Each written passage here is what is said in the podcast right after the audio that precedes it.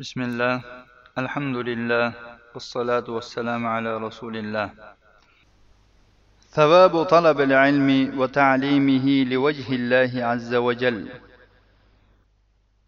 allohning yuzi uchun ilm talab qilish va ta'lim berishning savobi عن صفوان بن عسال المرادي رضي الله عنه قال أتيت النبي صلى الله عليه وسلم وهو في المسجد متكٍ على برد له أحمر فقلت يا رسول الله إني جئت أطلب العلم. فقال مرحبا بطالب العلم إن طالب العلم لتحفه الملائكة بأجنحتها ثم يركب بعضهم بعضا. حتى يبلغ السماء الدنيا من محبتهم لما يطلب. رواه أحمد والتباراني وابن حبان وابن ماجه إلا أنه قال سمعت رسول الله صلى الله عليه وسلم يقول ما من خارج من بيته في طلب العلم إلا وضعت له الملائكة أجنحتها رضا بما يصنع. Safon ibn assol al murodiy roziyallohu anhudan rivoyat qilinadi dedi. Men nabiy sollallohu alayhi vasallamning huzurlariga keldim. U zot masjidda qizil choponlariga yonboshlagan holda ekanlar. Aytdimki ey rasululloh men ilm talab qilib keldim. Shunda rasululloh sollallohu alayhi vasallam tolibi ilmga marhabo dedilar. Va aytdilarki ilm talab qiluvchini farishtalar qanotlari bilan o'raydilar so'ngra ular bir bir ustun bo'ladilar. Hattoki dunyo osmonigacha yetadilar. Bu ularning tolib ilm talab qilayotgan narsani yaxshi ko'rganlari tufaylidir. Yaxshi ko'rganlaridan shu ustma ust bo'lib ketishadi tolib ilmni tepasida turib. To osmon yer osmonigacha shunday ko'tar ya'ni qat qat bo'lib borishadi. Imom ahmad tabaloniy ibn hibban va ibn mojalar rivoyatlari faqat ibn mojaning rivoyatida kelgan ekanki men rasululloh sollallohu alayhi vasallamdan eshitdimki u zot aytdilar ilm talabida biron kishi chiqadigan bo'lsa albatta farishtalar u uchun qilayotgan ishiga rozi bo'lganlaridan qanotlarini poyandoz qiladilar qanotlarini to'shaydilar. Ya'ni talaba ilmga chiqib ketayotgan odam farishtalarning qanotlarini ustidan yurib boradi. Ulug' mehmon kelganda bir oq matoni poyandoz qilib solinadi. Yoki bir qizil gilam solinadi. Tolibi ilmning poyandozi farishtalarning qanotlaridir. Bu fazil xolis alloh taoloni yuzini umid qilib talaba ilmga chiqqan odamlar uchundir. وعن أبي هريرة رضي الله عنه قال سمعت رسول الله صلى الله عليه وسلم يقول من جاء مسجدي هذا لم يأته إلا لخير يتعلمه أو يعلمه فهو بمنزلة المجاهد في سبيل الله ومن جاء لغير ذلك فهو بمنزلة الرجل ينظر إلى متاع غيره. رواه ابن ماجه. abu hurayra roziyallohu anhudan rivoyat qilinadi aytdilarki men rasululloh sollallohu alayhi vasallamdan shunday deyayotganlarini eshitdim. Kim mening mana shu masjidimga faqat yaxshilikni ta'lim olish uchun yoki yaxshilikni ta'lim berish uchun kelgan bo'lsa u ollohning yo'lidagi mujohidning manzilasidadir martabasidadir. Kimiki bundan boshqa narsa uchun kelsa ya'ni bir yaxshilikni ta'lim olish yoki e, ta'lim bermaslik maqsadida keladigan bo'lsa u boshqa birovning matosiga havas kelib qarab turadigan bir odamning martabasidadir deganlar. Bu ham faqat ya'ni shu yaxshilikni o'rganish yoki o'rgatish uchun xolis o'rgatish uchun e, chiqqan yoki biron joyga borgan odamning fazli haqida ekan ibn moja rivoyatlari buni alboniy rahimaulloh sunan ibn majaning sahihida bir yuz sakson oltinchi raqam bilan sahih sanaganlar ثواب من ترك المراء والجدال في العلم وغيره ilmda va undan boshqasida bahs va jadalni tark qilgan odamning savobi. عن أبي أمامة رضي الله عنه قال قال رسول الله صلى الله عليه وسلم من ترك المراء وهو مبطل بني له بيت في ربض الجنة ومن ترك المراء وهو محق بني له بيت في وسطها ومن حسن خلقه بني له بيت في أعلاها. رواه أبو داود وابن ماجه والترمذي وقال حديث حسن. أبو أمامة رضي الله عنه در ويدخلنا ددا رسول الله صلى الله عليه وسلم أيتلر. كم ناحق بولا ترب بحثنا tark qiladigan bo'lsa u uchun jannatning chekkasida bir uy quriladi. Kim haq bo'la turib bahsni munozarani jadalni tark qiladigan bo'lsa u uchun jannatning o'rtasida uy quriladi. Kim axloqini chiroyli qiladigan bo'lsa u uchun jannatning eng yuqorisida uy quriladi. abu dovud ibn moja va termiziylar rivoyat qilgan bu hadisni imom termiziy hadisin hasan deganlar ثواب تعليم العلم وتصنيفه ونسخه وروايته ilm o'rgatish tasnif qilish undan nusxa ko'chirish va uni rivoyat qilishning savobi وعن أبي هريرة رضي الله عنه قال قال رسول الله صلى الله عليه وسلم إن مما يلحق المؤمن من عمله وحسناته بعد موته علما علمه ونشره وولدا صالحا تركه أو مصحفا ورثه أو مسجدا بناه أو بيتا لابن السبيل بناه أو نهرا أجراه أو صدقة أخرجها من ماله في صحته وحياته تلحقه بعد موته. رواه ابن ماجه بإسناد حسن وابن خزيمة. أبو هريرة رضي الله عنه رواية قلنا رسول الله صلى الله عليه وسلم vasallam dedilar mo'minga vafotidan keyin amali va hasanotlaridan yetadigan narsalardan ta'lim bergan va tarqatgan ilmi yoki ilm. Ortidan qoldirgan solih farzand yoki meros qilib qoldirgan mushaf qur'oni karimdan bir nusxa yoki qurib qo'ygan masjid yoki musofirlar uchun qurgan bir uy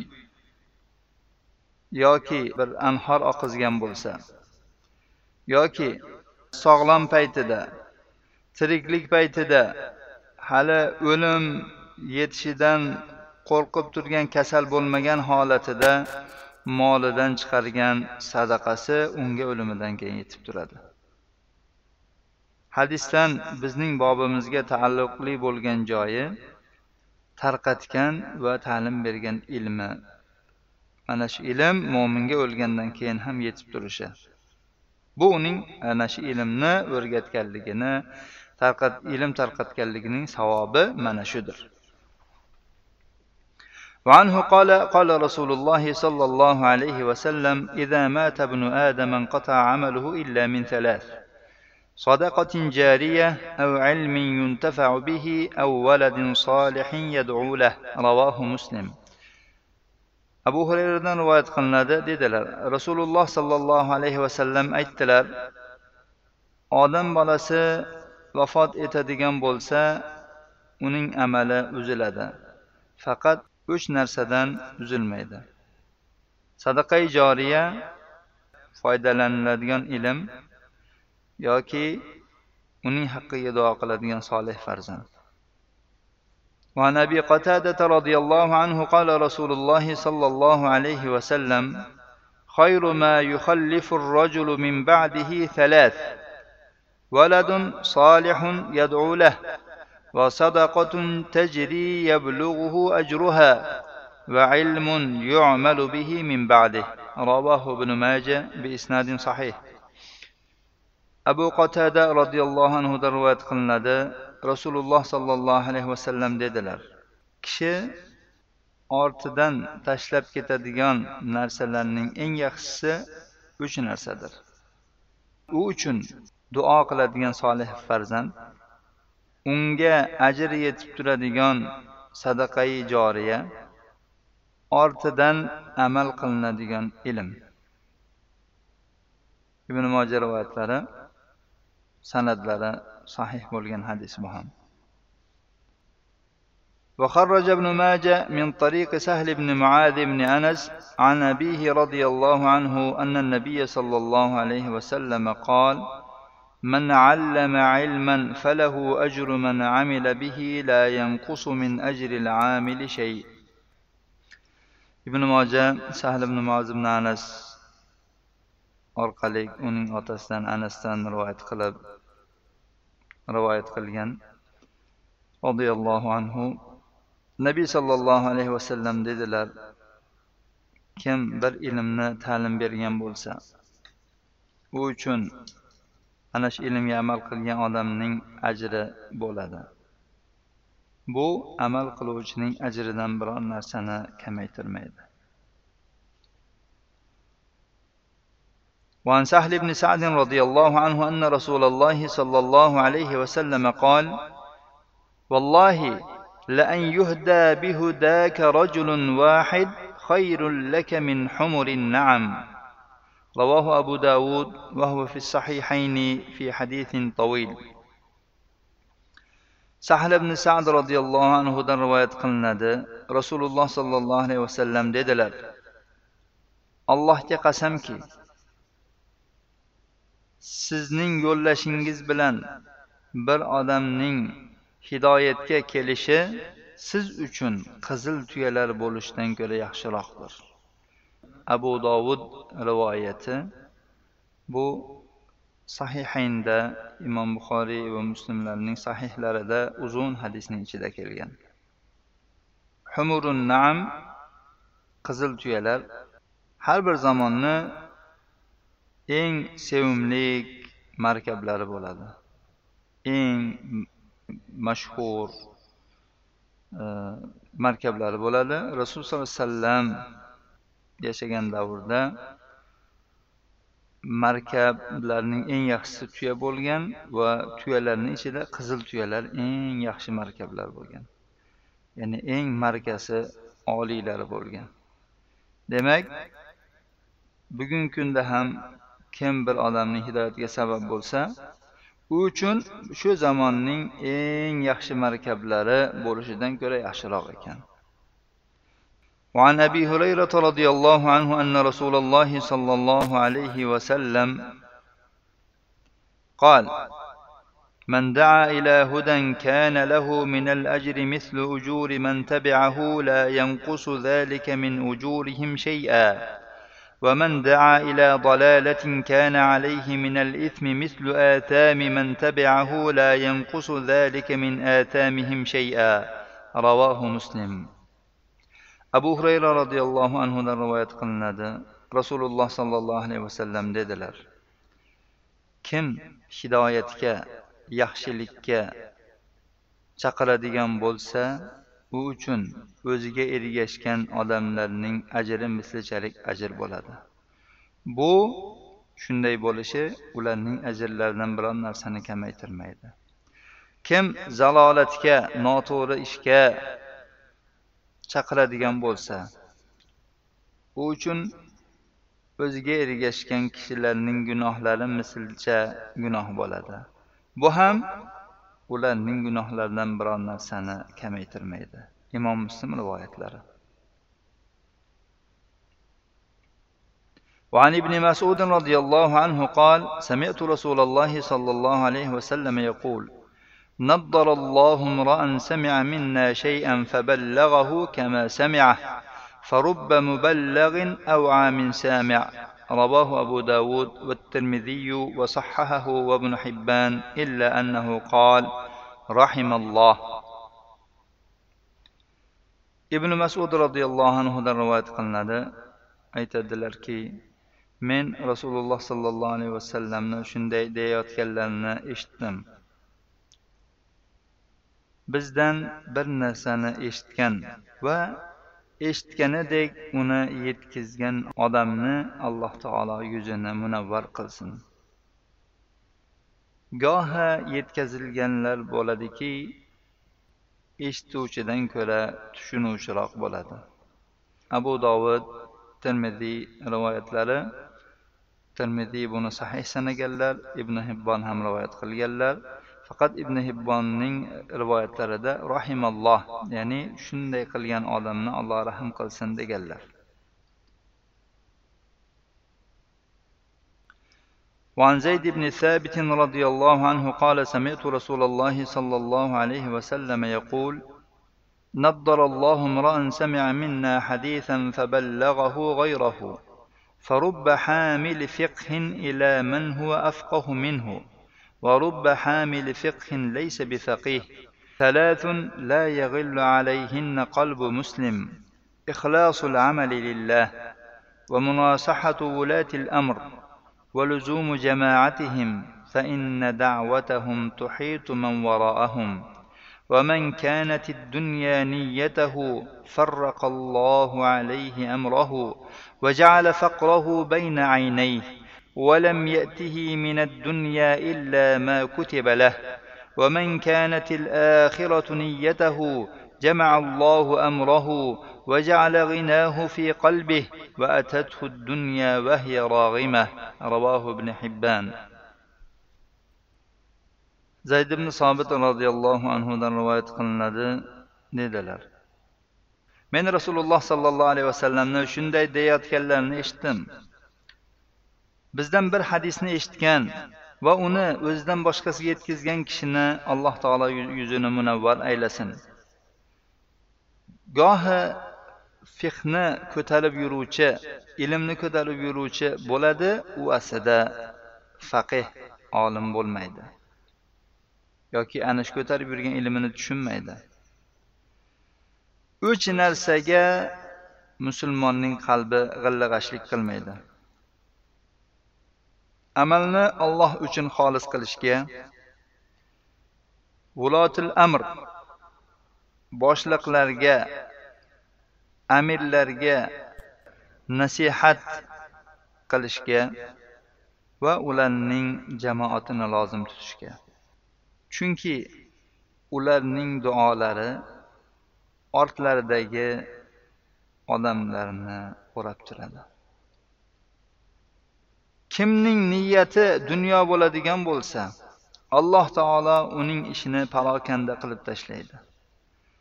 Va uning faqrini ikki ko'zi o'rtasiga qilib qo'yadi. Ya'ni peshonasida bo'ladi uning faqri. Unga dunyodan faqat u uchun yozib qo'yilganigina yetadi. Undan ortig'i yetmaydi. Kimning niyati oxirat bo'ladigan bo'lsa alloh taolo uning ishini jamlab qo'yadi. Va uning boyligini yoki behojatligini qalbiga qilib qo'yadi. Unga dunyo xohlamasada keladi. Dunyo o'zi kelishligini xohlamasada uni oldiga keladi. Chunki alloh taolo unga shuni yozib qo'ygan. Ibn hibbon rivoyatlari. Bu hadisda va bundan oldingisida odam eshitgan narsasini boshqalarga yetkazishlikka targ'ib bo'lyapti. Gohida bir inson bir ilmni eshitadi o'qiydi lekin o'zi unchalik ana shu ilmni tushungan bo'lmaydi. Shu eshitganini yo o'qiganini boshqa birovga yetkazsa u odamning tushunchasi bunikidan ko'ra chuqurroq bo'lishi mumkin va bu ilmdan bu ilm unga yetmagan bo'lishi mumkin. Shu bilan u odam ikkinchi odam ya'ni yetkazilgan odam undan ko'ra bu ilmdan ko'proq foydalanishi mumkin. Ko'proq undan bir istinbotlar qilishi mumkin.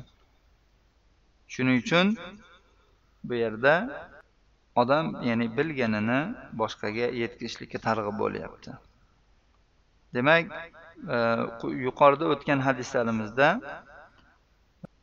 ilm tasnif qilish ya'ni kitob yozish bo'lsin yoki ovozli bo'lsin boshqa bo'lsin darslar qilish va bularni tarqatish va qoldirishga ning savobi haqida so'z ketdi.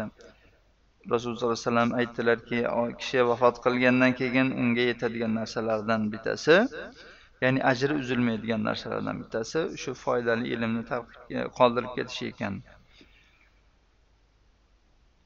Bundan tashqari e, aytildiki masalan nas qilish ya'ni bir ko'chirish boshqa deyildi. Masalan e, foydali kitoblarni ko'paytirib masalan e, hozirgi zamonda agar bosmaxonada chiqqan kitobni topishni iloji bo'lmasa e, uni avvalgi zamonlarda qo'lda ko'chirilardi. Alhamdulillah hozirgi e, zamonda uni shunda e, undan nusxa olish juda ham oson bo'ldi. Shunday kitoblarni asliysini topishni iloji bo'lmasa shuni ko'paytirib tarqatgan odamga yetadigan ajr. Modomiki mana shu kitob bor ekan undan foydalanish bor ekan unga albatta ajr yetib turadi. Alloh subhanahu va taolo barchalarimizni eshitganimizga amal qiladigan va eshitganimizni boshqalarga ham yetkazishga muvaffaq qilishini so'rab qolamiz. هذا وصلى الله على نبينا محمد وعلى آله وصحبه وسلم.